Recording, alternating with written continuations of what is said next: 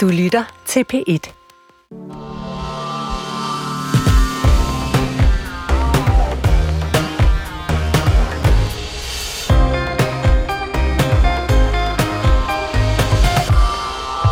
USA og NATO er garanten for Danmarks sikkerhed. Sådan har det været siden 2. verdenskrig, og sådan vil det også være i fremtiden. Derfor er jeg og regeringen glad for, at vi i dag kan præsentere en forsvarsaftale netop mellem USA og Danmark.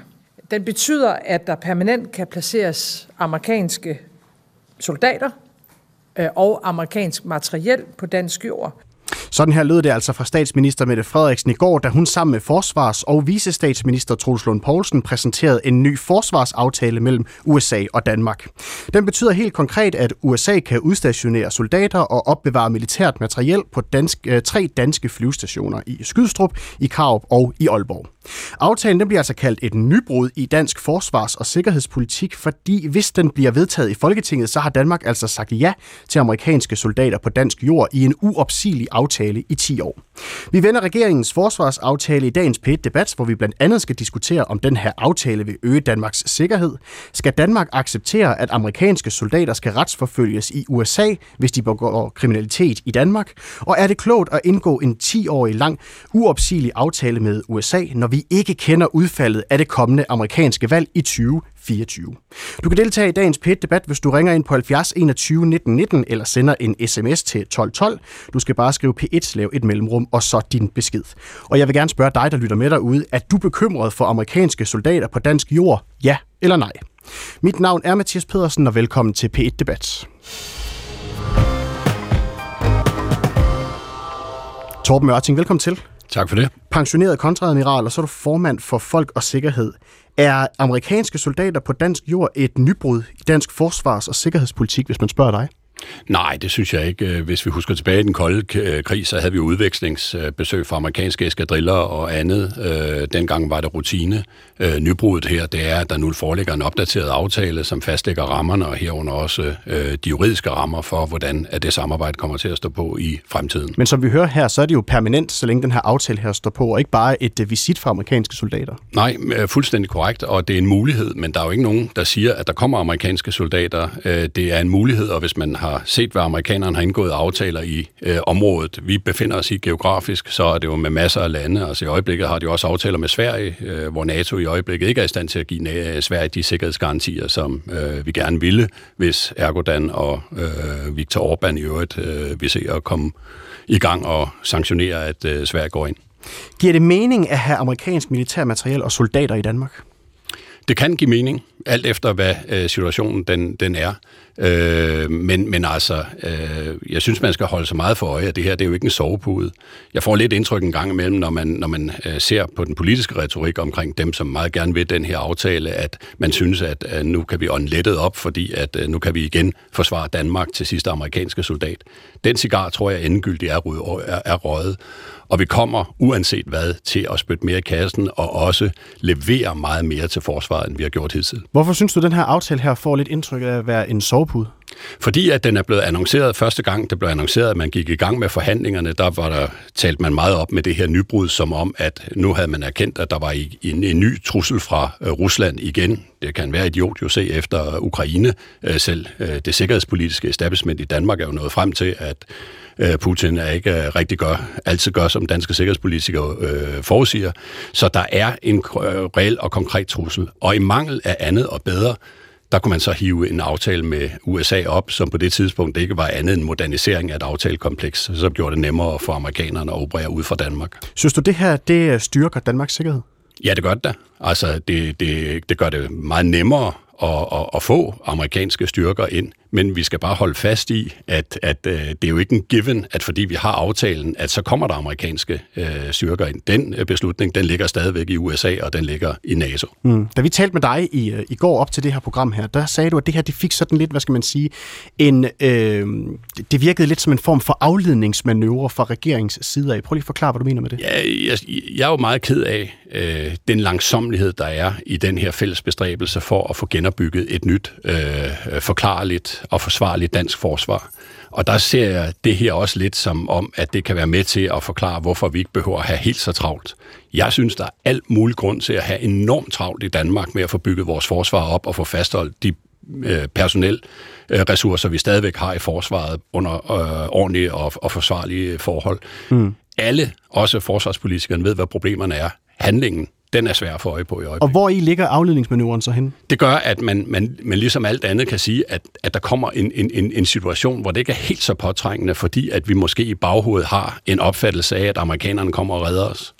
Og der mener jeg, at vi er et amerikansk øh, præsidentvalg fra måske at have en Trump tilbage i det hvide hus, og alle, øh, der kan huske hans retorik i forbindelse med sikkerhedsgarantien i NATO, er klar over, at, øh, at han har en anden opfattelse den, end den nuværende administration har. Og Trump lader vi lige blive i USA for en stund, det lover ja. jeg. Det kommer vi meget mere ind på i løbet yep. af, af det her program. Mads Fuglede, velkommen til. Mange tak. Forsvarsordfører for Venstre. Synes du også, det her karakter lidt af en afledningsmanøvre for jeres side af? Nej, synes jeg ikke. Jeg synes, det er en rigtig vigtig aftale. USA er inde i en fase, hvor de er ved at lave en gennemgang af hele deres basestrategi i hele verden. Det skyldes øh, nogle bedømmelser af, hvordan verden ser ud, der ligger meget langt fra Danmark, og vi er bare lykkelige for, at USA indtænker øh, Skandinavien, øh, Danmark, Norge, Sverige, Finland, øh, øh, og selvfølgelig de baltiske lande som en central del af NATO-strategi øh, og USA's strategi øh, i øh, Europa. Vi har været meget nervøse for, at alt, hvad amerikanerne rigtig interesserede sig for, var stillehavet og inddæmningen af, af Kina. Så, øh, så, så det, at der er perspektiver i et, et øget samarbejde med amerikanerne. Det vil øh, øge vores sikkerhed, hvis vi, øh, hvis vi kan få amerikanerne til ikke blot at underskrive aftalen, men også levere på den. Øh, og det er et vigtigt første skridt, vi tager her. Og hvad er det helt konkret, Danmark får ud af at have amerikanske soldater på dansk jord? Jamen, jeg tror, jeg tror man skal tænke det lidt sådan, at øh, hvis man... Øh, hvis man er bange for at blive øh, overfaldet og står øh, alene, så øh, kan man føle sig mere tryg, hvis man står sammen med Evander Holyfield og Mike Tyson, selvom de er pensioneret.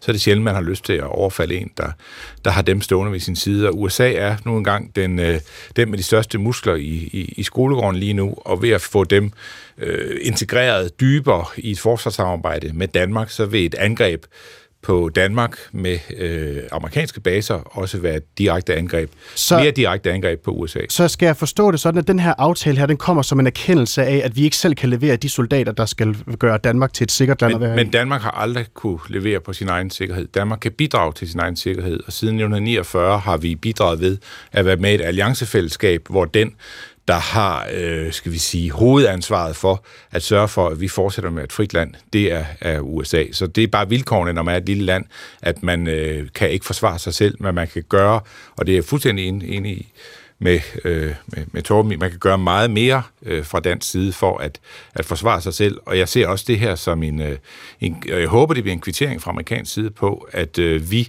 ønsker at tage et meget større ansvar for egen sikkerhed øh, og i samarbejde med amerikanerne. Torben Ørting, du står og ryster lidt på hovedet. Ja, jeg ryster lidt smule på hovedet, fordi vi skal holde fast i, at den her aftale, det er en rammeaftale. Den fastlægger rammerne for, hvordan at amerikanerne kan komme til Danmark og optræde. Der er ikke givet nogen garantier om, at de stiller sig så mange øh, ting op. Det er forudsætningen for den.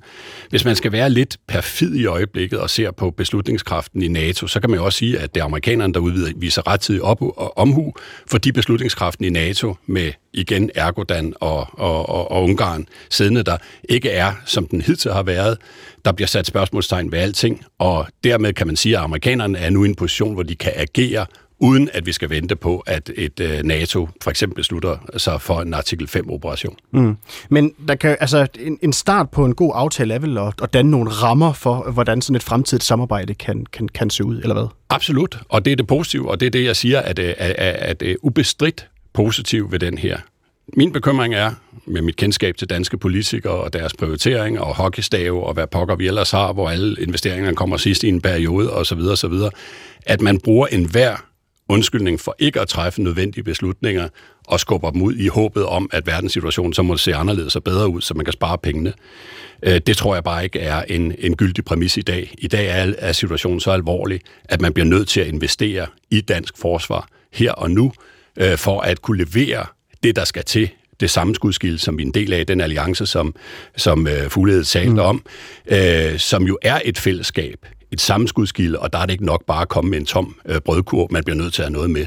Så Mads Fugled, skal det her ses som, hvad skal man sige, en, en, en strategi nu her, når vi jo ikke selv kan, kan levere, og, og risikerer vi, at når I nu øh, ind, altså, gennemfører sådan en aftale her med amerikanerne og får amerikanske soldater til, øh, til danske baser, at så øh, betyder det så, at man samtidig skruer ned for investeringerne i danske forsvar, og bruger det her som en undskyldning for, at man rent faktisk har gjort noget for at styrke dansk sikkerhed? Nej, tværtimod. Det er det modsatte, vi gør. Øh, vi har et historisk løft af det danske forsvar, øh, og vi forhandler i, altså vi forhandler i, i, i døgndrift for tiden for at skabe de rigtige rammer for at få et løft af det danske forsvar, der gør, at vi bidrager meget mere til det alliancefællesskab, som vi desværre fra den side har øh, underpræsteret på i, øh, i, i altså, praktisk talt siden øh, den kolde krigs øh, ophør, hvor vi har været i gang med at tage en fredsdividende hjem, som det har været øh, meget kortsigtet til hjem. Det mm. retter vi op på nu, og det er jo fuldstændig rigtigt, at der er ingen garanti for, at amerikanerne kommer, bare fordi vi laver den her aftale. Men den her aftale er starten på at få et dybere samarbejde med amerikanerne. Så kan jeg jo ikke øh, diktere, hvad øh, centraladministrationen i, i USA beslutter sig for, eller hvad generalstaben i Pentagon synes er en, er en god idé. Men jeg ved, at når der først er en aftale, og man får lavet øh, øget samarbejde med amerikanerne, og har rammerne for, at de kan være til stede her, at øh, så håber jeg, at de vil kvittere for øh, det historiske løft, vi laver det danske forsvar ved at være mere til stede og tage øh, et mere direkte ansvar for vores mm. sikkerhed. I får lige to sms'er her, som er kommet ind på 1212 for nogle af vores lyttere. Der er en her, der skriver, vi skal være ovenud lykkelige for, at USA vil beskytte os, som de har gjort siden 1948, og derfor er vi ikke blevet angrebet siden. Så vores venskab med USA skal vi være taknemmelige for. Uden det havde vi ikke været et frit land i dag. Med venlig hilsen og god jul fra Henning Lindegård fra Hedensted. Jeg er fuldstændig enig med Henning. Det er jeg også. Jamen, så kommer der lige en anden, øh, en anden, Øh, en anden øh, uh, sms her fra en anden lytter, som skriver, en sort dag i Danmarks historie, og nu skal vi så også have soldater fra det mest militært aggressive land i moderne tid på vores jord. Har der nogensinde været grund til en folkeafstemning, så var det her. Fremmede soldater på dansk jord uden befolkningens accept uhyggeligt. Hilsen Jonas. Hvad er svaret til Jonas Mads Fuglede? I har jo ikke spurgt danskerne, om det her det er noget, de, øh, de kunne tænke sig. Altså nu sker der sådan teknisk det først, at øh, udenrigsministeren skal underskrive øh, aftalen, amerikanerne skal underskrive den, og så kommer der en proces, hvor den skal godkendes i Folketinget. Og det er jo sådan, at øh, uanset hvad Jonas måtte mene om det eller ej, så er det Folketinget, der repræsenterer det danske folk, og det er der, man så får den folkelige accept af en sådan øh, aftale. Og vi har jo ikke nogen aftale, før alle de her dele af processen øh, er gennemført. Så jeg, jeg, jeg deler i det udtaget ikke øh, spørgerens øh, bekymring eller syn på, på USA øh, overhovedet. Jeg synes, han skal tænke meget over, at han ville have talt øh, tysk eller russisk som andet sprog, hvis ikke USA havde fandtes. Men for os er det bare vigtigt, at den proces, vi gennemgår nu, at den følger selvfølgelig de regler, der er mm. for at lave øh, et udvidet men samarbejde nogen, med en allieret som USA. Men for nogle borgere, Mads Fuglede, så kan det jo godt virke meget voldsomt, at pludselig så kommer der øh, øh, styrker fra, en, fra et andet land og, og hvad skal man sige, øh, etablerer sig på danske kaserner. Kunne det ikke være en god anledning til måske at spørge danskerne en ekstra gang, om de synes, det er en god idé? Jamen det, vi, det er jo derfor, vi har folketingsvalg i Danmark og har politikere, der sidder og behandler de her øh, spørgsmål. Vi laver ikke folkeafstemning om, om de her spørgsmål, hvis det er det, han, han, han sigter ja, det er i hvert fald det, der spørges, der spørges til her fra lytterens side. Jamen det, det er jo ikke nødvendigt, fordi der er ikke, der er ikke, der er ikke nogen af de principper for, øh, hvornår man udskriver en folkeafstemning, som bliver øh, iværksat øh, ved den aftale, vi laver med USA nu. Torben Mørting, kort kommentar. Kan jeg ganske kort ødelægge Jonas Jul ved at fortælle, at vi allerede har en baseaftale med amerikanerne. Vi har forsvarsaftalen for Grønland, øh, og der er amerikanske soldater oppe i, øh, øh i Pisovik-basen, så øh, det er ikke nyt det her. Øh, det er bare et andet geografisk område, der er tale om, men principperne er de samme. Men det er vel nyt, at de for eksempel kan befinde sig i Aalborg, for eksempel? Jo, jo. De geografiske rammer er anderledes, end de har været tidligere, men der men har spiller jo det ikke nogen rolle? Nej, det, det synes jeg ikke, ikke, ikke for, ud fra sådan en demokratibetragtning, eller kongeriget Danmark, eller så videre. Der har vi jo øh, forløbs accepteret, at øh, det her det er forhold, som vi har er indforstået med, og som vi har levet med i meget lang tid. Og hvis du vil øh, blande dig i dagens PET-debat, så kan du altså ringe ind på 70 21 øh, 19 19, hvor vi altså diskuterer den her aftale, som regeringen altså fremlagde i går med øh, USA. Nu kigger jeg over på vores to næste gæster. Først dig, Trine Pertumark. Velkommen til. Tak for det. Forsvarsordfører for Enhedslisten. Vi hører jo her, at den her aftale jo først skal underskrives af udenrigsministeren, og den skal skrives under over i USA, og så skal den så behandles i Folketinget. Mm. Kommer Enhedslisten til at stå bag den her aftale? Nej, det gør vi ikke. Øhm, og i virkeligheden så undrer jeg mig lidt over den måde, som den bliver præsenteret på her. Det, vi taler om, det er, om man er for den eller imod den. Det er et kolossalt nybrud i dansk sikkerhedspolitik. Det er, at vi skal have fremmede tropper på dansk jord i fredstid. Det er et markant skifte af den måde, vi har tænkt forsvars- og sikkerhedspolitik på. Øh, og derfor synes jeg også, det er lidt ærgerligt, at Jonas der, tror jeg han hed, nummer to spørger, øh, ligesom bliver affærdiget. Det er jo fair nok, at man kan være politisk uenig, men det er jo et reelt spørgsmål. Vi har ikke haft nogen politisk debat i Danmark. Er det et skifte, vi ønsker? Øh, og så er det korrekt, at øh, det er Folketinget, der ligesom er valgt til at varetage. Vi har jo heller ikke haft nogen debat, Mads. Altså, vi har ikke haft... En, den her, det er... Er det ikke korrekt, at det var i 21 eller sådan noget, amerikanerne rakte ud og sagde, at vi vil gerne øh, åbne de her forhandlinger? Altså, det er næsten tre år siden. Der har ikke været en reel politisk debat i Danmark. Ønsker vi det her markante skifte i vores sikkerhedspolitiske ting? Kort svar først for dig, Mads Fugle. Jamen, jeg tror da egentlig også, at jeg undrede mig, at der ikke har været mere debat, da man i sin tid øh, gjorde opmærksom på fra statsministerens side, at man ønskede at forfølge det her spor. Øh, det har undret mig. Nogle gange undrer jeg mig meget over, hvad det er, vi diskuterer, når vi diskuterer øh, sikkerhedspolitik øh, i Danmark. Det glæder mig så, at vi kan have den her det er jeg jo lidt interesseret i at høre. Hvad mener du med det? Altså, du undrer dig over, hvad det er, vi diskuterer, når vi diskuterer dansk sikkerhedspolitik? Jamen, det, jeg synes jo tit, når vi diskuterer dansk sikkerhedspolitik, at så kører vi ud af nogle øh, underlige spor øh, og øh, diskuterer alle mulige andre ting end, end det forhold, som er det centrale, at mm. vi har et, øh, et, et, et lille land og et lille folk, som ikke er i stand til at forsvare sig selv, medmindre vi har nogle gode venner, fordi vi ikke simpelthen ikke er store nok. Og det er der nogle rammer for, og det har sat nogle rammer for, hvordan øh, dansk sikkerhedspolitik har fungeret i, i, i en årrække, at vi er et alliancefællesskab, og vi er ikke alene om at skulle forsvare Danmark, for det kan vi ikke. Men vi skal selvfølgelig bidrage så meget, vi kan, og den debat, synes jeg ikke fylder ret meget øh, herhjemme. Jeg tror, mange danskere har taget dansk sikkerhed øh, forgivet i en årrække, øh, og jeg hilser enhver øh, lejlighed til at, at diskutere og debattere de her ting. Øhm, og nu kommer der jo så en mulighed, Trine Persmark, for at I kan diskutere den her aftale her, når den er blevet underskrevet i USA. Den kommer jo så ind og skulle behandles ind i Folketinget. Så får I vel muligheden der for at tage den politiske debat? Jo tak. Øh, rimelig sent, eftersom den aftale skal underskrives i morgen. Øh, det er en aftale, som ikke kan opsiges i 10 år. Altså uanset hvad der sker efter et dansk folketingsvalg, så den her aftale ikke opsiges. Det har bundet Danmark, den danske stat, de næste 10 år frem til en aftale med et USA, vi ikke kender. Jeg ved, vi kommer til den diskussion, mm. men det er vidderligt, hvad vi taler om. Det er måske den allerstørste beslutning, jeres regering den kommer til at træffe. Jeg kan ikke forestille mig noget, der bliver større og mere omsaggribende end den beslutning. Og, og hvorfor er det, øh, Trine Persmark, at det her det for dig er så skældsættende og så stor en, en forandring, når vi taler jo om en, uh, om en nation, som vi har en, en alliance med, at nu kommer de så til at have en, nogle baser, hvor de kan uh, have nogle, uh, nogle soldater uh, udstationeret? Jamen, det er netop det. Altså det, at vi i Danmark på dansk territorie i fredstid skal have fremmede tropper. Men er det, det, er, det er et brud med dansk sikkerhedspolitik. Øh, det er ovenikøbet nogle... Det er jo ikke et brud med dansk Det er ovenikøbet nogle områder af Danmark, hvor vi afleverer vores selvbestemmelsesret og nøgler og siger, at det her det er øh, eksklusivt amerikansk domæne. Det er ovenikøbet øh, amerikansk lovgivning, der skal gøre skældende over for øh, mulige, hvad kan man sige, mulige kriminelle, hvis den situation opstår. Det ved vi også kommer til at tale om. Men det er på alle mulige måder et ekstremt nybrud. Men når du siger i fredstid, altså vi fik jo tegnet et billede i går på pressemødet om, at vi mm. står altså med uh, krig på europæisk kontinent, og der er trusler mod Danmark, som vi ikke har set i, i mange, mange år. Oh, at, at, altså, at, altså er det ikke lidt måske, øh, det ved jeg ikke, er det ikke lidt farligt at, at være så kategorisk og kalde det for fredstid i øjeblikket? Om det er også lidt farligt at bruge Ruslands øh, ulovlige invasion af Ukraine som argument, eftersom amerikanerne henvendte sig før den invasion fandt sted. Så det her det er jo noget, der ligger forud for den diskussion. Så kan man stadigvæk igen være politisk eller uenig i, om det er en god idé, men det er et nybrud. Vi har et NATO... Ruslands invasion af Ukraine begyndte i 2014. De har været ekstremt aggressive okay, i lang men... tid. De har ført asymmetrisk krigsførsel mod NATO-lande i meget lang tid. De laver mere end 600 cyberangreb på NATO-lande hver dag, og de sætter NATO... migranter over grænsen hele tiden. Ja, ja men, men vi har et NATO-fællesskab. NATO er verdens stærkeste forsvarsalliance. Der er ovenikøbet, det er så politisk uenig i, men der er ovenikøbet en oprustning, en forøgelse af militærbudgetterne hele raden rundt i NATO i gang. Der er, det er jo det, der er fællesskabet. Det, vi taler om her, det er en bilateral aftale mellem Danmark og USA som USA også laver bilaterale aftaler med en lang række andre lande. Det her, det handler om amerikanske interesser og skubbe amerikansk forpost, militær forpost men det er jo, tættere på den russiske grænse. Det er jo fordi, grænse. NATO kan ikke forhandle en, på vegne af Men det er jo ikke USA. en sikkerhedsgaranti. Mads Fugle? Jo, det er det da. NATO's, NATO's vigtigste militær, det er det amerikanske militær.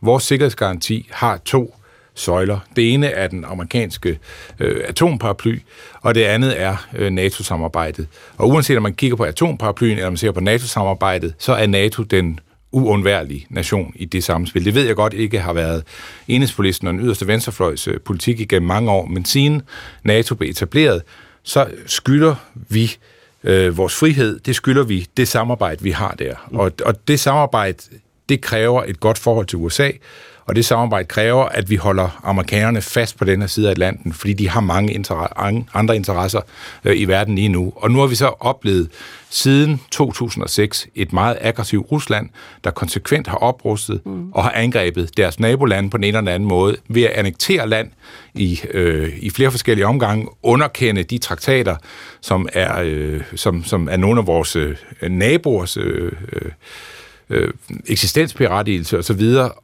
så siger man, at man synes ikke, at der er et eller andet problem derude. Der er et kæmpe problem det, det derude, og det er, det er, det er, russisk, det er en ekstrem russisk aggression, og den fører sjovt nok til, at vi så ser, at de drømme, vi havde om en evig fred efter øh, murens fald og SNG's sammenbrud i 89 og, og 91, har fået os til at tænke, at vi bliver nødt til at fokusere på, at vi skal også forsvare os selv, mm. og det og kræver, Fugle, en, øh, kræver, at vi bruger flere ressourcer på Og Mads Fugle, jeg hører jo sådan set Trine Pertumak være enig i, at der er en, en, en trussel, som vi er nødt til at tage ganske alvorligt. Og i og med, at vi er nødt til at tage det ganske alvorligt, havde det så ikke været en idé måske at inddrage Folketinget noget tidligere i den her øh, i udarbejdelsen af den her aftale her, så man også havde en reel mulighed for selv at kunne sætte sit præg som de forskellige partier i en aftale, man vil indgå med USA? Jamen, da, efter den her aftale er blevet annonceret, og man har ønsket fra dansk side, at, øh, at, at efterfølge det her spor, det har en tidligere regering sagt, at det er den her regering øh, gentaget. Der har vi da været villige til at tage den debat til, til hver en tid. Det gør vi da med åben øh, pande. Vi er da meget, meget interesseret i at få debatteret den sikkerhedspolitiske situation, vi står i, og få øh, en, en, en debat med alle, der vil mm. debattere det med os om, hvor vigtigt det er, at vi har et godt forhold til det land, der er skyld i, at vi lever i et frit land. Godt. Alex Hansen, velkommen til. Tak skal du have. Forsvarsordfører for Dansk Folkeparti. Hvor stiller I jer hen i, spørg- i det her spørgsmål med, med den her aftale, som vi har fået præsenteret i går fra regeringens side af? Dansk Folkeparti støtter amerikanerne, vi støtter forsvaret, og vi støtter også regeringen i denne glimrende aftale. Uh, ros til regeringen for at indgå den. Vi kommer til at stemme ja i Folketingssalen. Vi er taknemmelige for, at amerikanerne vil sende deres unge mennesker til Norden for at hjælpe os med at forsvare aggressorer. Og jeg synes, hele den her diskussion øh, indtil videre har været lidt småprovinciel, for det handler ikke kun om Danmark. Man skal jo se det i et større perspektiv. Der er tre lande, der er ekstremt udsat, og det er de baltiske lande. De ligger øh, klods op af Rusland, og Putin har, øh, øh, har sine sultne øjne på disse lande. Hvis de skal kunne forsvare sig, de er jo med, de er jo NATO-medlemmer, mm. så er det jo nødvendigt, at tropperne meget hurtigt kan komme over. Så Danmark er jo opmarcheområde. For at man kan være opmarcheområde, så skal der også være baser, der skal være soldater, der skal være materiel. Norden, de øvrige lande, er også øh, på den måde øh, støttepunkter i, en eventuel, i et eventuelt forsvar af Baltikum. Så, så vi skal være sådan en form for mellemstation, tænker du, ja, øh, her det, i Danmark? Men det er vi jo. Det er vi i amerikanernes optik, det er vi i NATO's øh, optik. Fordi har du ikke tropper, og materiel til rådighed, der samtidig også øh, er, øh, øvet i at føre krig sammen, så kan du jo ikke komme af baltiske lande øh, til hjælp. Så vil der gå øh, lang tid, og så har russerne allerede taget over, og så kan de befeste deres stillinger. Så al den her lidt teoretiske snak om, at øh, det er et nybrud, er jeg lidt ligeglad med. Vi er i en helt anden situation nu. Russerne har blikket rettet mod vest og vi kan se det. Vi skal være taknemmelige for, at amerikanerne stadigvæk vil være med til at forsvare Europa, mens Danmark er ved at opruste. Vi er først klar om 5-10 år med et forsvar, der er dueligt og som uh, kan bidrage, fordi uh, tidligere partier har skåret mm. ned på forsvar. Men er det godt nok så, at så i stedet for at og så med, med, med, hvad hedder det, investere massivt og hurtigere i det danske forsvar, så kalder vi amerikanerne til? Det er begge dele, der er godt. Vi, vi investerer jo 143 milliarder over de næste 10 år i forsvaret. Det er med til. Det er Dansk Folkeparti stolt af. Samtidig så bliver vi jo nødt til at gøre det øh, i en rigtig rækkefølge.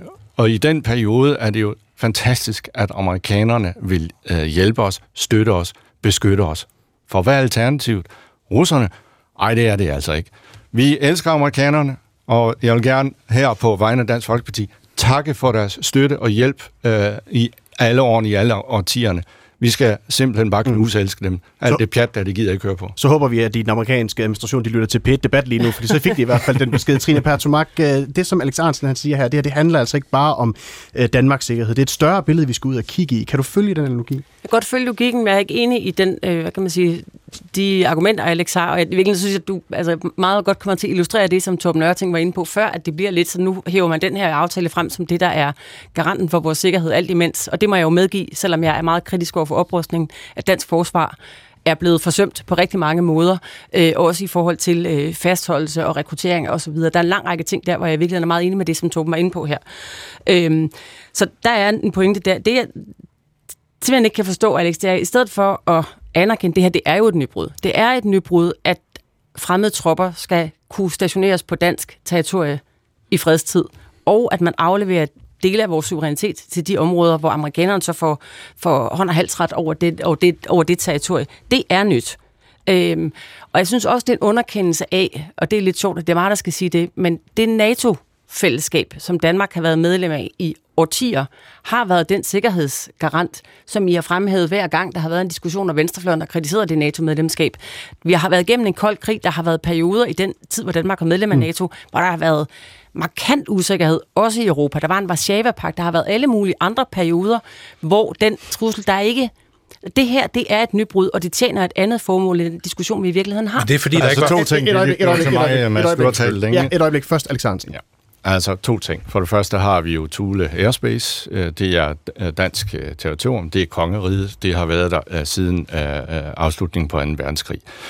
For det andet, jurisdiktionen. Det er jo helt normalt, at fremmede tropper de bliver, og deres soldater bliver dømt efter nationens jurisdiktion. Altså for eksempel danske tropper er jo også i udlandet. Vil vi acceptere, at øh, somalisk ret eller Øh, øh, sharia-ret skal ind og dømme, fordi en soldat har øh, øh, stjålet noget i supermarkedet? Nej, fordi så får han hugget hånden af. Nej, de bliver selvfølgelig dømt efter dansk ret. Og sådan er det også med amerikanerne. Selvfølgelig skal de jo dømmes efter amerikansk ret. Og så vil jeg bare sige, at amerikansk ret er altså noget hårdere end dansk ret. Øh, de vil nok opfatte det som et hotel, hvis de kommer i, i dansk fængsel. Øh, så vi kan egentlig være tilfredse med, at de øh, bliver dømt efter amerikansk ret. Og så vil jeg bare sige, at amerikanerne er mindre kriminelle end danskere. Og når man sammenligner med mange af de mennesker, vi har fået til, til landet Godt. Fra, uh, fra Mellemøsten, som enhedslisten støtter, så er der altså langt igen. Der er virkelig ja, og, kriminelle, og, og her, hvis vi skal tale her, om det. Hansen, der sætter jeg lige et kort uh, punktum. Vi kommer tilbage til det her med det juridiske lige om et øjeblik. Torben også en kort kommentar først, og så skal vi hilse på en lytter lige bagefter. Ja, altså min bemærkning til, til Trine, det er jo, at, at øh, hvad er det, der gør Danmark så forskellig fra alle de lande, der nu har indgået den samme aftale med USA? Det gælder de baltiske lande, det gælder Finland, det gælder Sverige, det gælder Norge. Hvad er det for en diskussion eller situation, der er unik for Danmark til, at vi skal have en særlig diskussion af de her ting her? Og jeg har ikke nogen indvendinger imod, at vi tager den der diskussion, men jeg er bare interesseret i at få at vide, hvad er det for et argument, vi har for, at vi skulle have indtaget en anden holdning end vores broderlande, øh, hele kompasrosen rundt i, i, i nærheden, som gør nøjagtigt det samme som os. Det får du lov til at svare på, Trine Persson. Ja, men jeg synes, vi skal have den diskussion, og jeg vil gætte på, at mine politiske fælder i de nordiske lande også godt kunne have tænkt sig, at der var en stærkere offentlig debat omkring det her. Det synes jeg er, grund, det er sådan grunddemokratisk, når man skifter politisk kurs, øh, som man gør med den her aftale og den her tilgang, hvor vi gør op med den her ikke-stationering øh, af fremmede tropper i fredstid. Øh, det synes jeg kræver, og der synes jeg, man kan forlange i et, øh, i et demokrati, at den diskussion har man. Så kan det godt være, at det lander et andet sted, end hvor enhedslisten ønsker, men derfor synes jeg stadigvæk, det er meget, meget afgørende at have den diskussion mm. øh, af demokratiske årsager. Godt. I skal lige hilse på uh, Jens Ole, som har ringet ind fra Bornholm på 70 21 19 19. Velkommen til, Jens Ole. Mange tak. Jeg skal lige bede uh, alle om at lige at tage nogle høretelefoner på, så I alle kan høre, hvad Jens Ole han siger til os. Uh, hvad siger du, Jens Ole? Er du bekymret for, hvis der kommer amerikanske tropper til Danmark? Absolut ikke. Jeg er meget, meget glad for, at det kom. Jeg bor øh, på Bornholm, og øh, russerne har jo nu i særdeleshed de sidste par år øh, virkelig annonceret, at Bornholm ligger inden for russisk interesseområde, hvor at de skal, øh, hvor de skal have lande til at beskytte de russiske øh, have sådan stødpudeområder. Så jeg havde meget gerne set amerikanske styrker på Bornholm. Så du er faktisk lidt ærgerlig over, at I ikke er en del af den aftale, altså at øh, der på en, en, en kaserne øh, på Bornholm simpelthen skulle være amerikanske tropper? Ja, jeg havde meget gerne set, at der også var amerikanske tropper. Men jeg regner med, at når amerikanerne er i Danmark, så er Bornholm også under amerikansk beskyttelse her. Jens Ole, hæng på et øjeblik. Jeg kigger lige på dig, øh, Trine Pertumak. Altså, vi, vi, du, du har sagt et par gange, at det er, at det er fredstid, der kommer amerikanske mm. tropper ind på, på dansk jord. Men der er jo nogen, som er bekymrede for det, der vi ser over øh, østpå med krigen i Ukraine og så videre, mm. og et aggressivt øh, Rusland. Mm. Så kan du forstå, at der er en lytter her, der ringer fra Bornholm af, og egentlig godt kunne ønske sig, at der kom nogen, noget assistance til Bornholmerne i sådan en tid? Jamen, jeg kan sagtens forstå, at jeg er jo selv bekymret over det, der foregår i, øh, i, øh, i, Østeuropa, eller over Østpå, som du siger, og Ruslands aggression. Altså, jeg har nær ingen illusioner om, at Putin er andet end det, han viser sig sådan, nemlig som en brutal aggressor, som er fuldstændig ligeglad med international lov og ret og folkeret. Øh, så jeg kan sagtens forstå det. Jeg er bare ikke sikker på, at det er det rigtige at lave politik på baggrund af, i hvert fald ikke den her politik. Altså, der, det NATO-fællesskab, som vi jo også i enhedslisten erkender, er det sikkerhedspolitiske fællesskab, eller det forsvarspolitiske fællesskab, der er. Det er jo også en erkendelse af den virkelighed, vi lever i. Det NATO er der jo mm. også stadigvæk, til trods for det, selvom den her aftale ikke er der. Det vi diskuterer er jo den her ny, det her nybrud i en bilateral aftale, hvor vi afleverer dele af vores selvbestemmelse og suverænitet til en fremmed magt, som skal have soldater på vores egen jord i fredstid. Mm. Det er det, der er diskussionen for mig. Jens Ole, vores aftale med NATO ændrer jo sådan set ikke på, at øh, hvis der er, øh, hvis der kommer et angreb på for eksempel øh, Bornholm, så, så træder musketeringen jo sådan set i kraft fra NATO's side af, og så vil amerikanerne jo skulle komme og hjælpe, uanset om de har tropper udstationeret på Bornholm eller ej. Jeg har større tillid til bilaterale aftaler end til øh, de store organisationer, der først skal blive enige med sig selv. Så du har mere tiltro øh, til, til den aftale, hvis simpelthen øh, øh USA står øh, ja, på dansk jord? Ja, i meget stor grad. Jamen, det store spørgsmål for mig er øh, her, hvad er der i den her aftale? Altså, hvad er den danske interesse? Altså, vi taler som om, at amerikanerne nu har lovet, at de vil forsvare dansk territorie. Det er jo ikke det, der er pointen i den her aftale. Pointen i den her aftale er et led i de andre bilaterale aftaler, som USA har indgået og er lige har landet i de nordiske lande, men også i andre europæiske lande, som handler om amerikansk tilstedeværelse og hurtigere, eller kan man sige, fremskudt position på europæisk grund. Det er det, det mm. handler om. Det er jo ikke en sikkerhedsgaranti, der handler om, at nu har Danmark en bilateral aftale med amerikanerne om, at de gør noget særligt, hvis Danmark bliver angrebet. Det ligger i NATO-regi. Det er der allerede. Det har været der i mange år. Alexandersen, forsvarsordfører for Dansk Folkeparti. Ja, altså Enhedslisten og, og Trine øh, pakker øh, tingene jo ind i mange lange, teoretiske, komplicerede sætninger og betragtninger. I bund og grund, der handler det jo om venstrefløjens gamle had til USA, Hold nu op, Alex. amerikanerne og friheden. Og det er det, vi ser i Men... dag igen. Og desværre så har øh, journaliststanden slugt den præmis, fordi amerikanerne er garanten for vores frihed og demokrati, uden amerikanerne, så var vi løbet over enden. Men og derfor så bliver vi bare nødt til at, at, at stole på, at det regeringen har uh, lavet, er til gavn for Danmark, NATO og Europa. Men hvis vi ser det i, i kontekst af det, som vores lytter her fra Bornholm her siger, har uh, Trine Pertumak så ikke en pointe i, at der står sådan set ikke noget i den aftale, i det vi ved indtil nu, at det her det handler om, at øh, amerikanske soldater skal skulle stå klar til at hjælpe i en eller anden form for offensiv, der, der skulle komme til, øh, til Danmark. Men det her det i virkeligheden handler om opmagasinering til, at de kan rykke videre til andre grænser. Jeg har ikke set aftalen. Den er ikke blevet offentliggjort endnu. Den bliver først offentliggjort i morgen. Når vi har set den, så kan vi jo diskutere indholdet af den. Jeg synes, det er rigtigt af regeringen at indgå den aftale. Den sikrer, at Danmarks folkestyre, frihed, den sikrer Europas frihed, den afskrækker, fordi at vi får materiel og soldater på dansk jord, så vi kan komme øh, balterne til hjælp. Uden amerikanerne, så bliver det svært at hjælpe balterne. Øh, Jens Ole, du skal have tusind tak for at bidrage til dagens PIT-debat. Ja, tak. Øh, du kigger på dig, Torben Mørting, pensioneret kontradmiral. Altså har Alex Hansen ret i det? Er det det her, der sikrer, den, øh, altså, sikrer vores øh, frihed både i, øh, i Vesten og Europa? Nej, altså man kan sige, at den her aftale, det er forudsætningen for, at vi kan få amerikansk bistand under de præmisser, der er fastlagt i det her. Om de, om, om de amerikanerne beslutter sig for at sende tropper til Danmark eller ej, det ved vi jo ikke noget om. Det er jo ikke øh, en, en, en naturlig følge af det. Men vi behøver ikke at spørge mere, hvis vi får behov for det, eller hvis amerikanerne synes, at det er en god idé at øh, deployere noget til Danmark. Så på den vis, der får vi et instrument mere i værktøjskassen. Nu har vi talt meget NATO. Øh, og jeg er glødende tilhænger af NATO, og det er en fantastisk alliance osv., men det er også en alliance, som hviler på konsensusbeslutninger. Og i øjeblikket kan vi jo se, hvordan det knæ, øh, knirker lidt med konsensusbeslutninger, når det kommer til at tage øh, Sverige ind i NATO.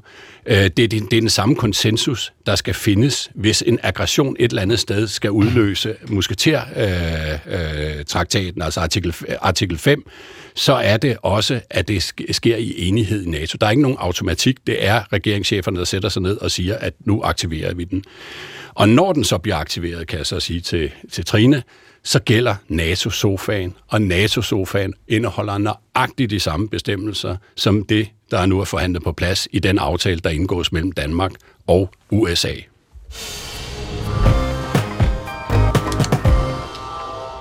Man vil jo komme til at se amerikanske soldater på dansk jord. Øh, og det vil man jo også kunne høre, når man går ned og handler i brusen, øh, at der er amerikanere. Øh, det vil ændre gadebilledet de steder, hvor, hvor de vil være.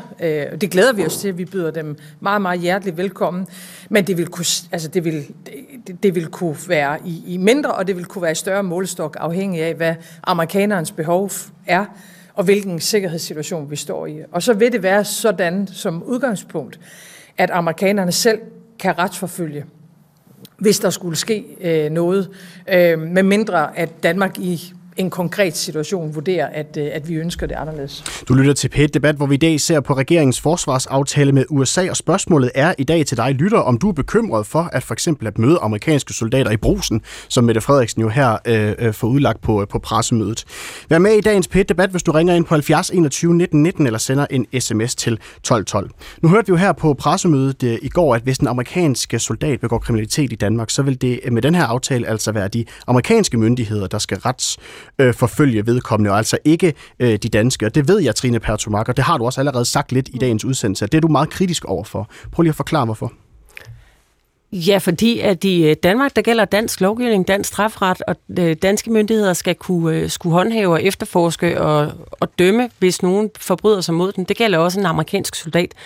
Øhm, Altså, nu lyder det meget til at amerikanske soldater går rundt ned i brusen og hygger sig og køber lidt ind, men det, det handler om, er jo, at hvis en af dem, eller en amerikaner, der befinder sig her, begår kriminalitet, det vil sig et røveri, eller voldtægt, eller trafik, øh, et trafikdrab, eller en, hvad ved jeg, at det så er selvfølgelig dansk lovgivning, der skal, øh, danske myndigheder, der skal efterforske det, og skal kunne dømme den amerikanske øh, borger. Det handler jo grundlæggende om vores retssikkerhed.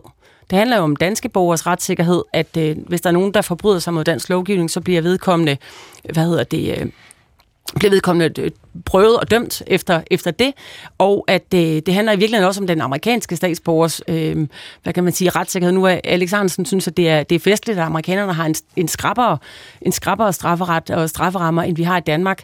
Øh, jeg synes også, der er noget retssikkerhedsmæssigt i, at den forbrydelse, du begår i Danmark, bliver dømt efter dansk retsstandard og retspraksis, og ikke efter amerikansk. Så det handler jo grundlæggende om retssikkerhed, både for den forbryder, men jo i høj grad også mm. for det offer, der måtte være.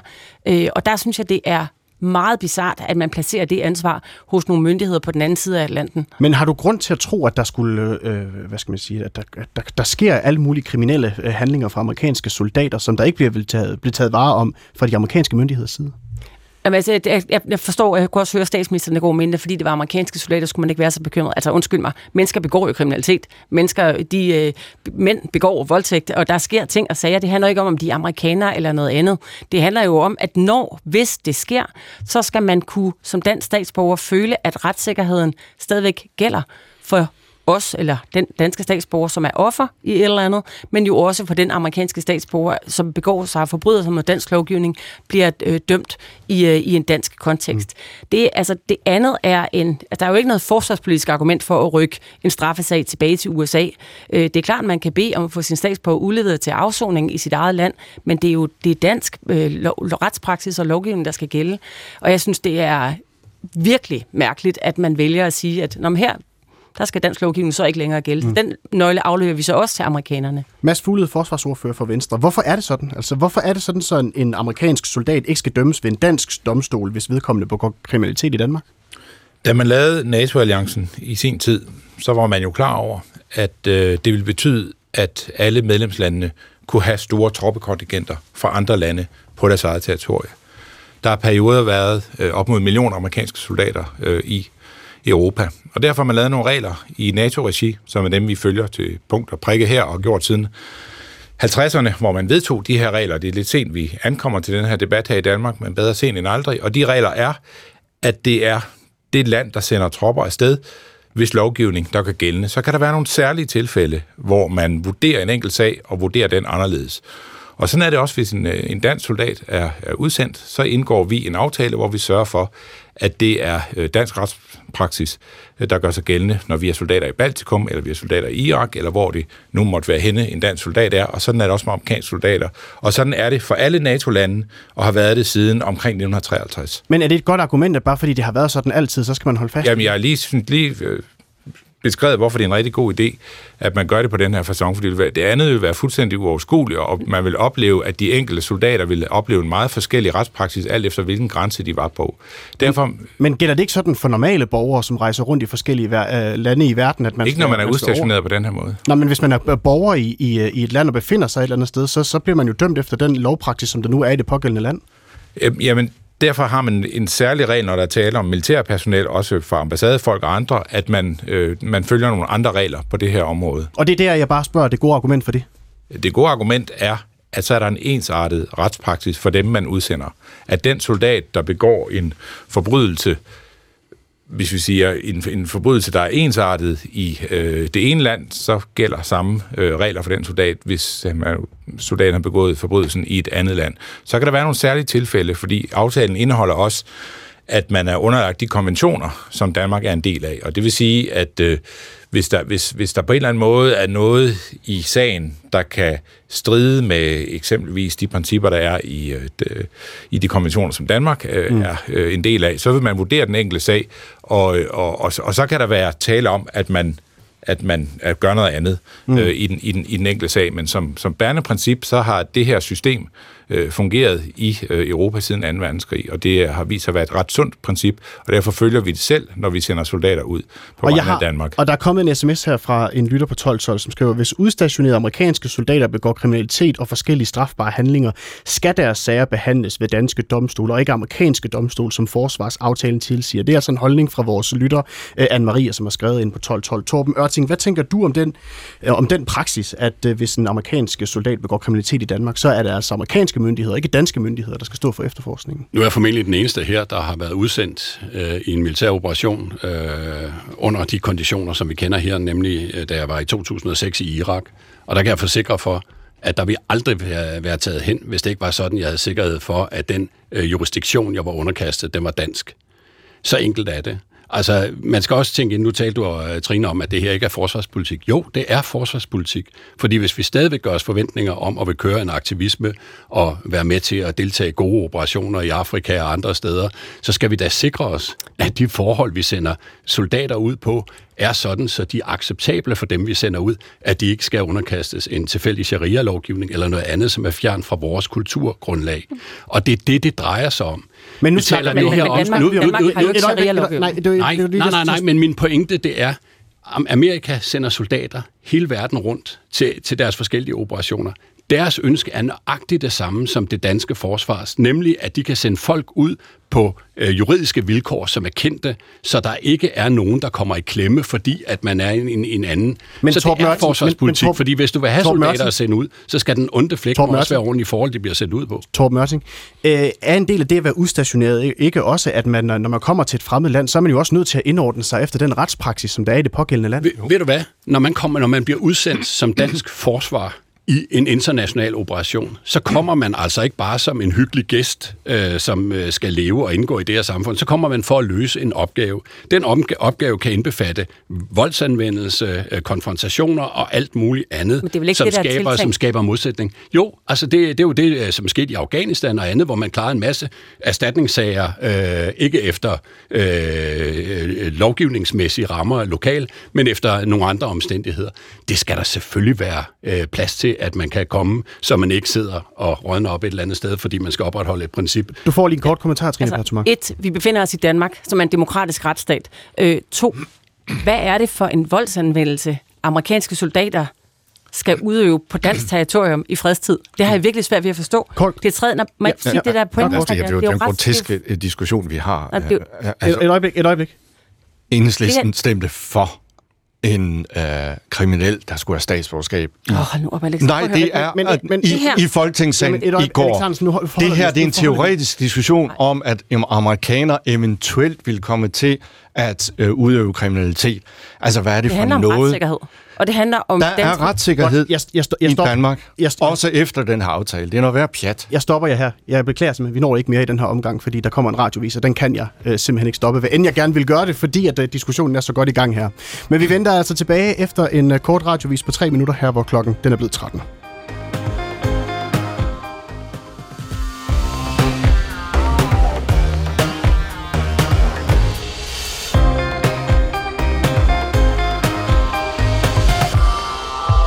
er altid klogt at have et så tæt samarbejde med amerikanerne som overhovedet muligt. Øh, det er stadigvæk sådan, at det er USA, der er garanten for Europas sikkerhed og for Danmarks sikkerhed. Øh, og derfor er vi i den her regering af den fuldstændig klare overbevisning, at der ikke må komme så meget som et A4-ark imellem øh, den europæisk-danske relation på den ene side og, og den amerikanske. Danmark har lavet en ny forsvarsaftale med USA, og det betyder helt konkret, at USA kan udstationere soldater og opbevare militært materiel på tre danske flyvestationer. En i Skydstrup og i Karup og i Aalborg. Og så er aftalen bindende i minimum 10 år. Vi vender regeringens forsvarsaftale i dagens P1-debat, hvor vi nu skal til at diskutere, om det er klogt at indgå en 10 år lang uopsigelig aftale med USA, når vi ikke kender udfaldet af det kommende amerikanske valg i 2024. Du kan deltage i dagens P1-debat, hvis du altså ringer ind på 70 21 19 19 eller sender en sms til 1212. Du skal bare skrive P1, lav et mellemrum og så din besked. Og jeg vil gerne spørge dig derude, om du er bekymret for amerikanske soldater på dansk jord, ja eller nej.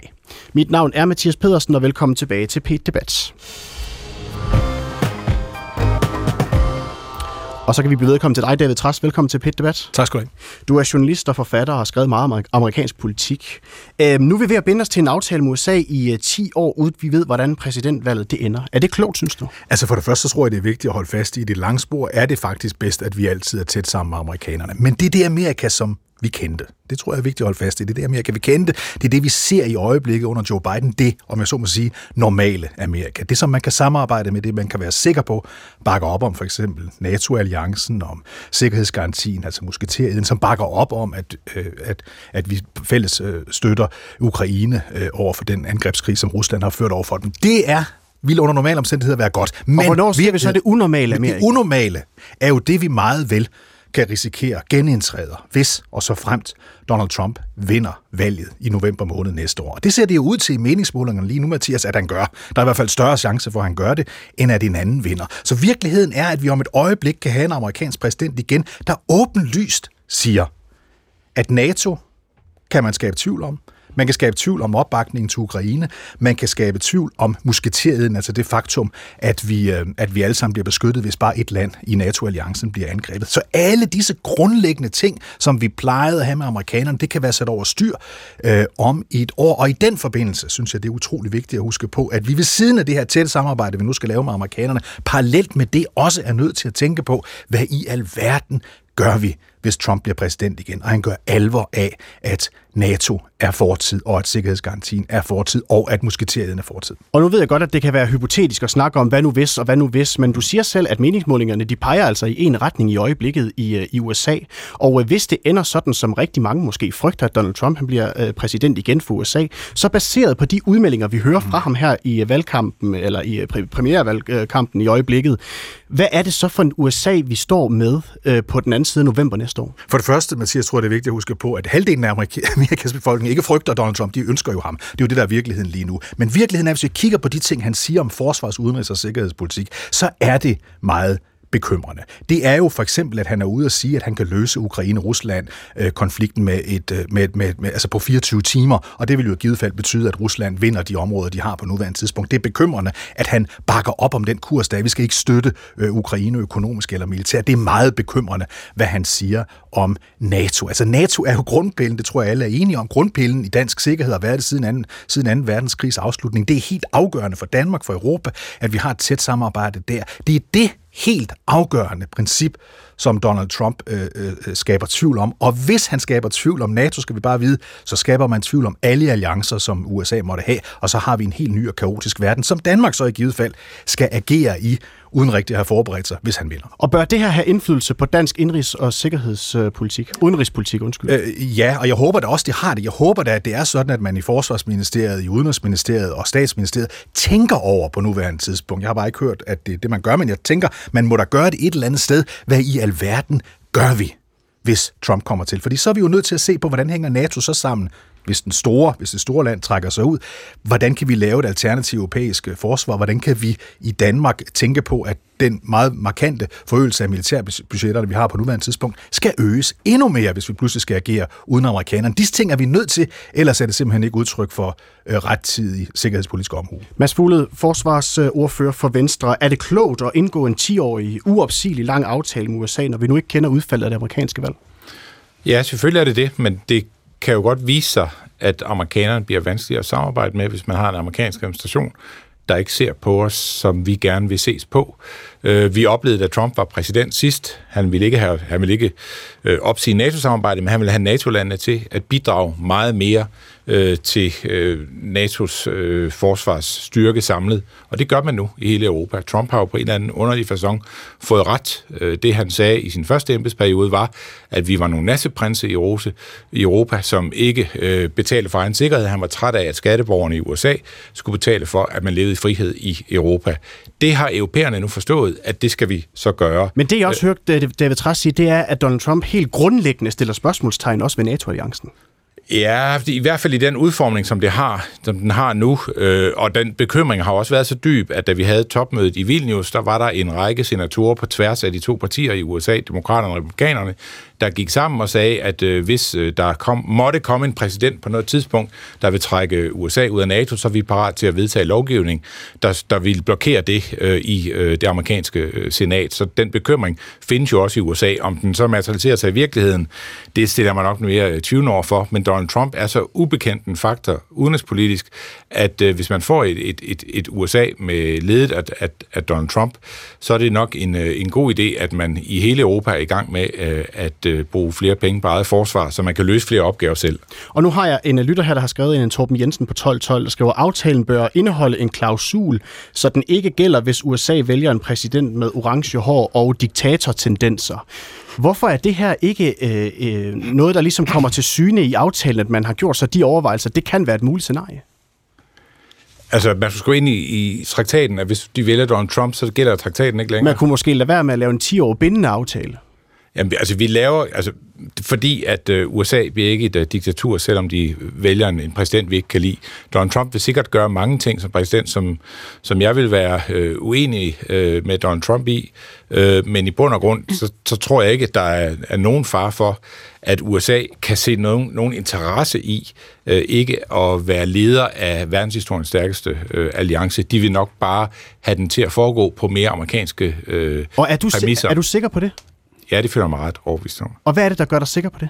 Jamen det er fordi, jeg har set Trump være præsident øh, i, i fire år. Jeg ved, hvad han vil have. Han vil jo ikke have mindre NATO, han vil have meget mere NATO, han er også til at betale for meget mere af det. Øh, og han ønskede, at vi skulle tage et større ansvar for egen sikkerhed.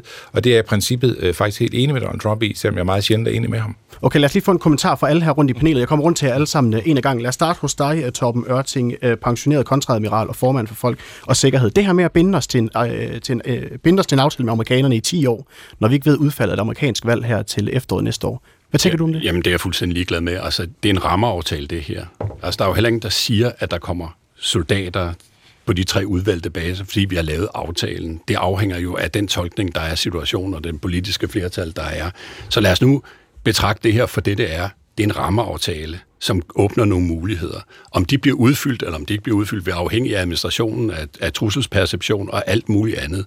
Og i det lys, der har jeg ingen problemer med at have en 10-årig aftale. For mig at se, så kan spørgsmålet være, om Trump han vil bruge det som et uh, argument for ikke at deployere noget til, fordi vi skal bruge flere penge på forsvar, og indtil vi har gjort det, så kommer der ikke noget dertil, eller hvad pokker han kan finde på at gøre.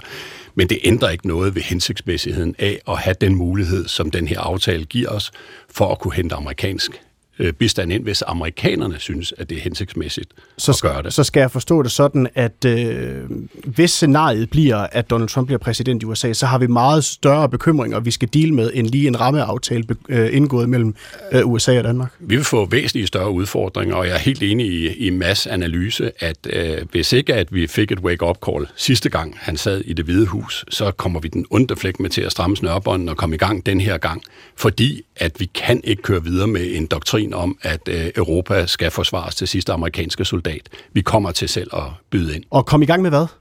Opruste og, og, og gøre øh, det, at, at, at vi ikke behøver at være amerika- afhængig af amerikansk hjælp, hvis der sker en hændelse som den, vi har oplevet i Europa, i Ukraine, da Rusland overfaldt Ukraine. Det havde jo været en, en, en fryd, hvis det havde været Europa, der havde stået sammen om at genforsyne osv.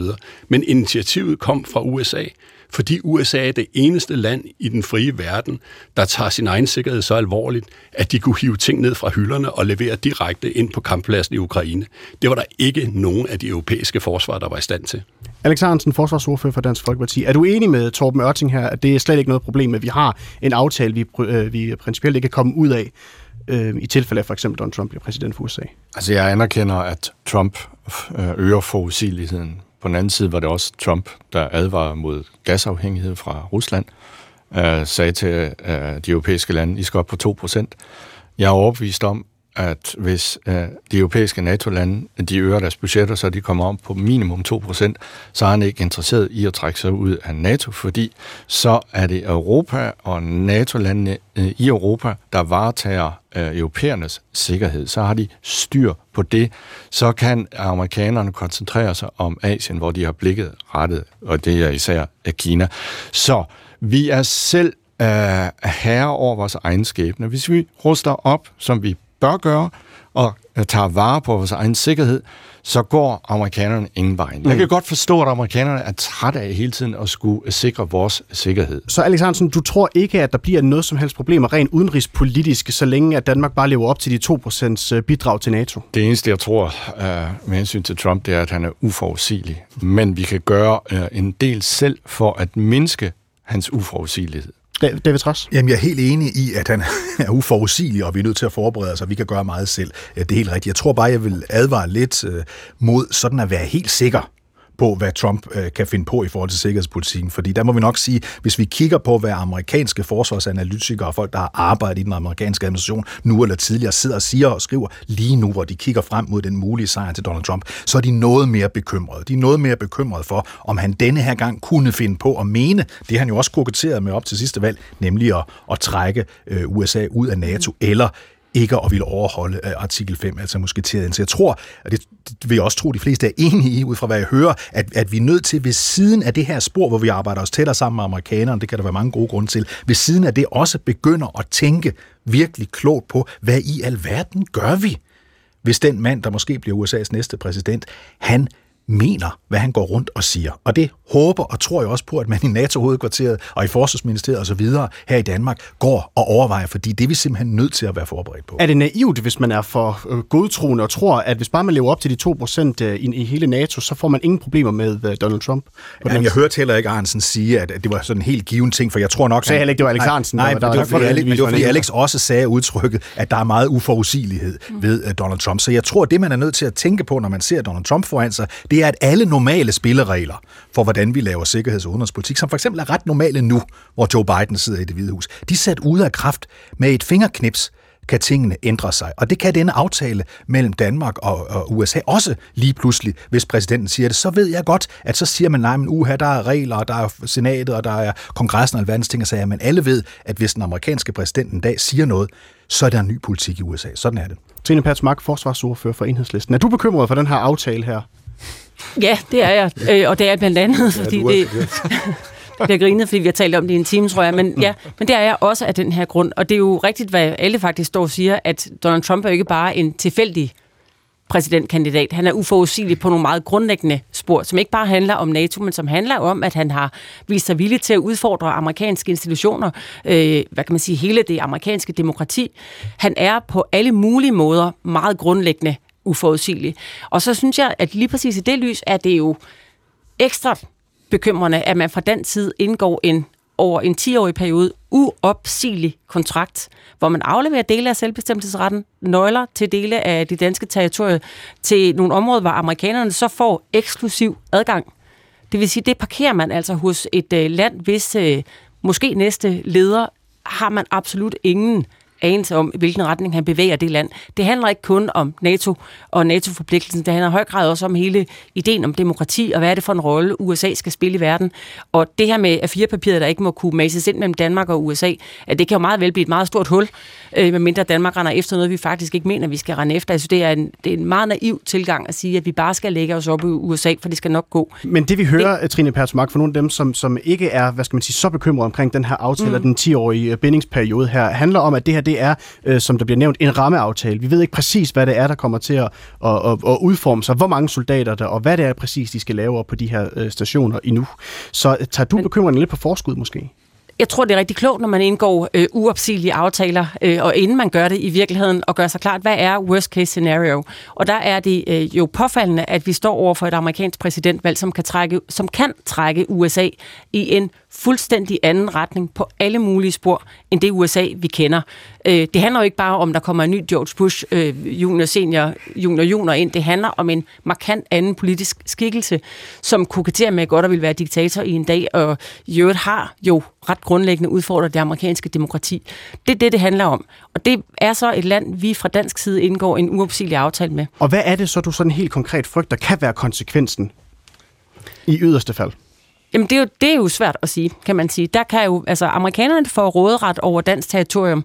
Øh, det er amerikanerne, der har eksklusiv adgang til det. Det er øh, i virkeligheden en aflevering af et stykke suverænitet til noget, som er et led i et amerikansk, det var det, vi talte om øh, før radiovisen, et net af bilaterale amerikanske aftaler med forskellige europæiske lande om, hvordan amerikanerne har lettere adgang til at udstationere tropper eller levere materiel. Mads Fugle, øh, forsvarsordfører for Venstre? Altså, vi, jeg tror, vi, nu skal vi lige gøre os klar, hvad det er, vi taler om. Hvad er det, der vil ske vis-à-vis den her aftale, hvis Trump bliver præsident i værste scenarie? Jamen, det værste scenarie er, at så vil Trump være ligeglad med den aftale. Han vil ikke sende en eneste soldat. Er du sikker på, at det er det værste, der kan ske? Ja, hvad skulle der ske? Skulle, de, uh, skulle han sende en masse MAGA-folk over, der holder store rallies til fordel for Trump, og hvad skulle han få ud af det? Altså, det, det værste er, at han ikke ville leve op til den aftale. Hvad er Donald Trumps problem med NATO? Hvad er det, han har udtalt gang på gang? Der er det, der han ikke bryder sig om med NATO, det er, at USA betaler et sted mellem 70 og 80 procent af vores sikkerhedsudgivergifter i vores øh, fællesskab. Det er han ikke den eneste, der er træt af. Det har samtlige amerikanske præsidenter i nyere tid været død træt af, at det er deres skatteborgere, der betaler for vores sikkerhed. Nu er det så lykkedes med at føre den politik igennem, som især altså tilbage i Obama-årene, man, man pressede på for at få igennem, nemlig for europæerne til at sige, nu skal vi levere.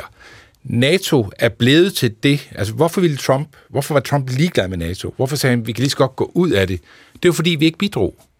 Nu bidrager vi. Trump er ved at få det NATO, som han har ønsket sig. Så hvorfor skulle han, hvorfor skulle han pludselig øh, stille sig anderledes til det NATO, han selv har efterspurgt. Til møde efter møde sad han og kiggede Stoltenberg og andre europæiske ledere ind i øjnene og sagde, I betaler ikke nok.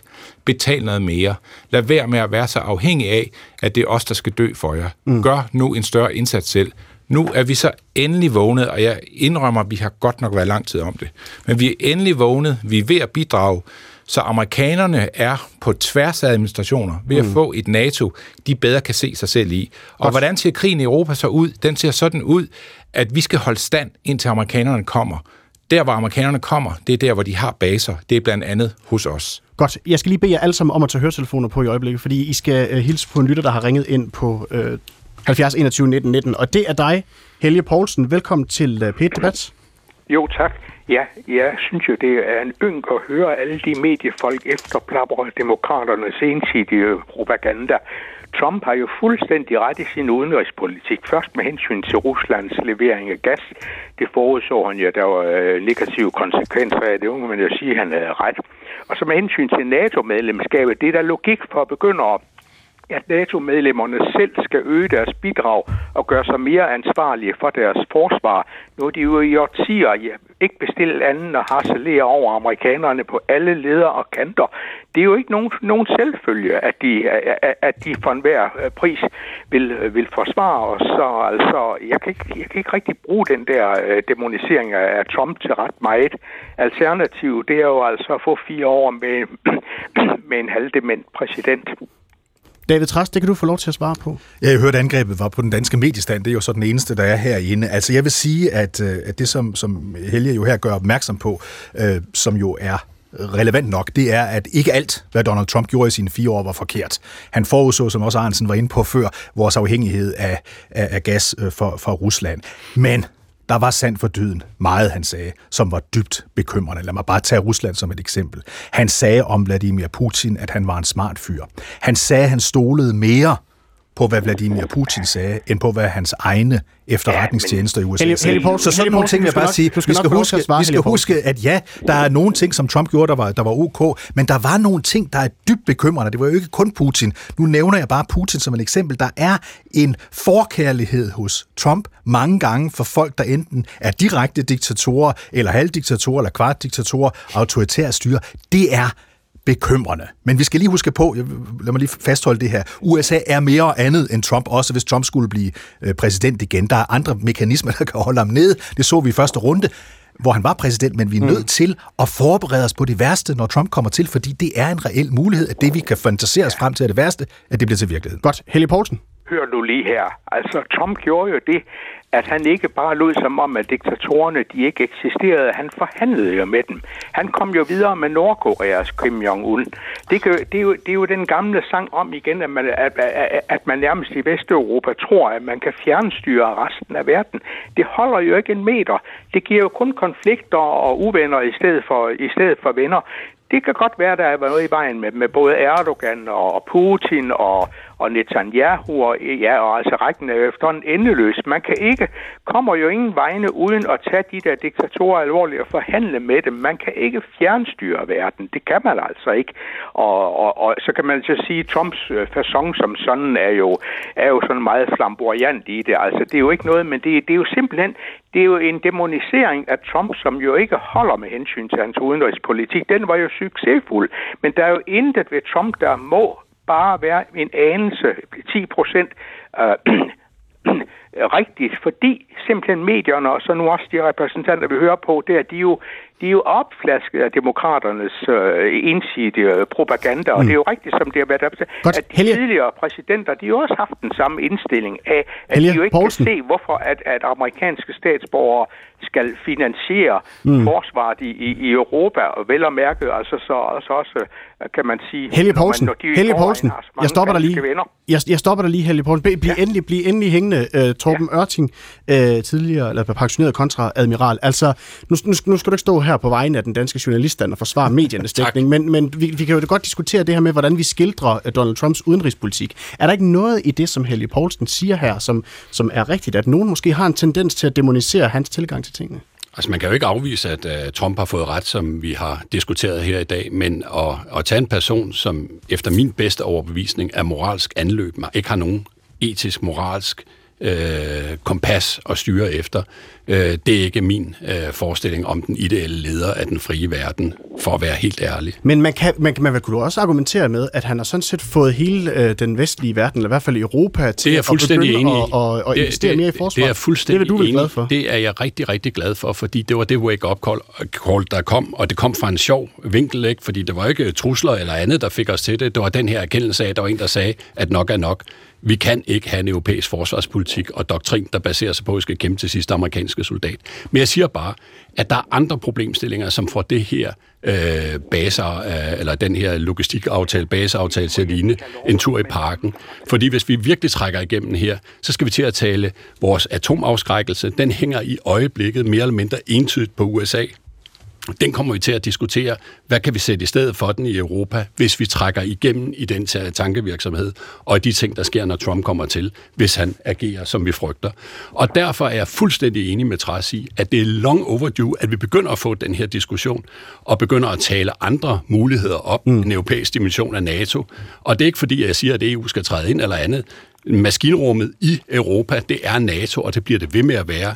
Det skal vi bare finde ud af og få en mekanisme til, at vi også kan udnytte Du får en, en, en kort sidste kommentar, Helle Poulsen. Ja, altså det der med, med, med Toms moral og, og etik, nu skulle jeg altså lige hilse at sige, at der kørt kampagner imod ham i hele otte år han er endnu ikke blevet dømt for noget som helst. Så altså, det kan jo være, der måske med alle de der anklager, der kan jo ikke være så meget kød på dem. Trump er ikke hævet over, over loven på nogen måde, så altså, det er jo, der er jo ikke noget kød på alle de der anklager, og, og, og, og, og hvad ved jeg. Men der er stadigvæk nogle verserende sager også, Helle Poulsen, der ikke er kommet afklaring på endnu. Jeg tror, ja, ja, at du, du har jo set på det samme som alle os andre. Der har ikke været otte år. Altså, et hvert tænkende væsen må der undre sig over, at den mand ikke sidder i fængsel øh, allerede for, for livstid. Otte år er der gået. Godt. Der var jo ikke noget kød på alt det der. Så det, at det, hvorfor blive ved med at efterplapre det der? Hvor er beviserne? Helge Poulsen, det var øh, alt, hvad vi nåede for dig. Tusind tak for at ringe ind på 70 21 19 19. Alexandersen, forsvarsordfører for Dansk Folkeparti. Kan du følge noget af det, som Helge Poulsen han siger? Jamen, så konklusionen må jo være, at vi i Europa skal ruste op, så vi ikke er afhængige af amerikanerne desværre en, enhedslisten, de vil jo nedruste, og jo mere vi nedruster, jo mere bliver vi afhængige af amerikanerne. Det, det, det er derfor, jeg simpelthen ikke forstår, hvad enhedslisten de går og lukker ud i Men nu, nu spørger jeg lige dig, Alexander, det, der er til Dansk Folkepartis politik. Hey, et øjeblik. Øh, nu stiller der en spørgsmål til hvad hedder Dansk Folkepartis uh, politik, så skal jeg nok spørge uh, Trine Pertsmark ind til enhedslistens politik bagefter. Synes du, at vi skal uh, nå til et sted, hvor vi gør os uafhængige af amerikanerne i forhold til øh, forsvars- og sikkerhedspolitik? Vi skal altid samarbejde med amerikanerne og have dem som øh, en tæt samarbejdspartner. Vi skal bare være i stand til at løse vores egen sikkerhedspolitik i Europa, i Norden. Det er vi i gang med, og så har vi selvfølgelig leverancerne fra USA. Uden dem, der, er vi ikke, øh, der kan vi ikke forsvare os, sådan som vi skal forsvare os, men vi skal selv kunne øh, sikre vores eget område, og det kan vi ikke for øjeblikket. Trine Pertsmark, forsvarsordfører for Enhedslisten. Det, som Helge Poulsen siger her, og det, som flere jo har, har sagt rundt omkring panelet her, er noget af det, som Trump ligesom fik øh, resten af NATO-landene til. Det var ligesom at opruste og forsøge at komme op på de 2%, som man egentlig havde lovet. Er det positivt, hvis man spørger dig? At nu er jeg jo modstander af den 2% målsætning, så, øh, men jeg anerkender, hvad det er, der bliver sagt i forhold til sådan en politisk logik. Jeg synes, det der er væsentligt, når man diskuterer, at Donald Trump muligvis indtager præsidentsædet, øh, og Danmark den danske regering har indgået en uopsigelig aftale med USA. Det er, at man indgår en aftale med et USA, vi ikke aner, hvordan det ser ud øh, et år og de kommende 10 år frem. Man binder Danmark op på en forsvarspolitisk doktrin, man absolut ingen anelse om har i hvilken retning vil gå. Det synes jeg er vanvittigt uklogt, specielt i en tid, hvor, øh, hvor verden vakler på alle mulige fronter. Og så når vi ikke mere i dagens udsendelse. Vi skal I alle sammen have tusind tak, fordi I gad at bidrage til uh, dagens uh, debat. Den her P-debat den blev sat sammen uh, sammen med Cecilie Lange, Christian Gravholdt, Gitte Hansen og mit navn er Mathias Pedersen. I kan altid finde os i DR Lyd, hvis I vil høre mere på P-debat. Om et øjeblik, så får du dagens udgave af Genstart. Tusind tak, fordi I lyttede med.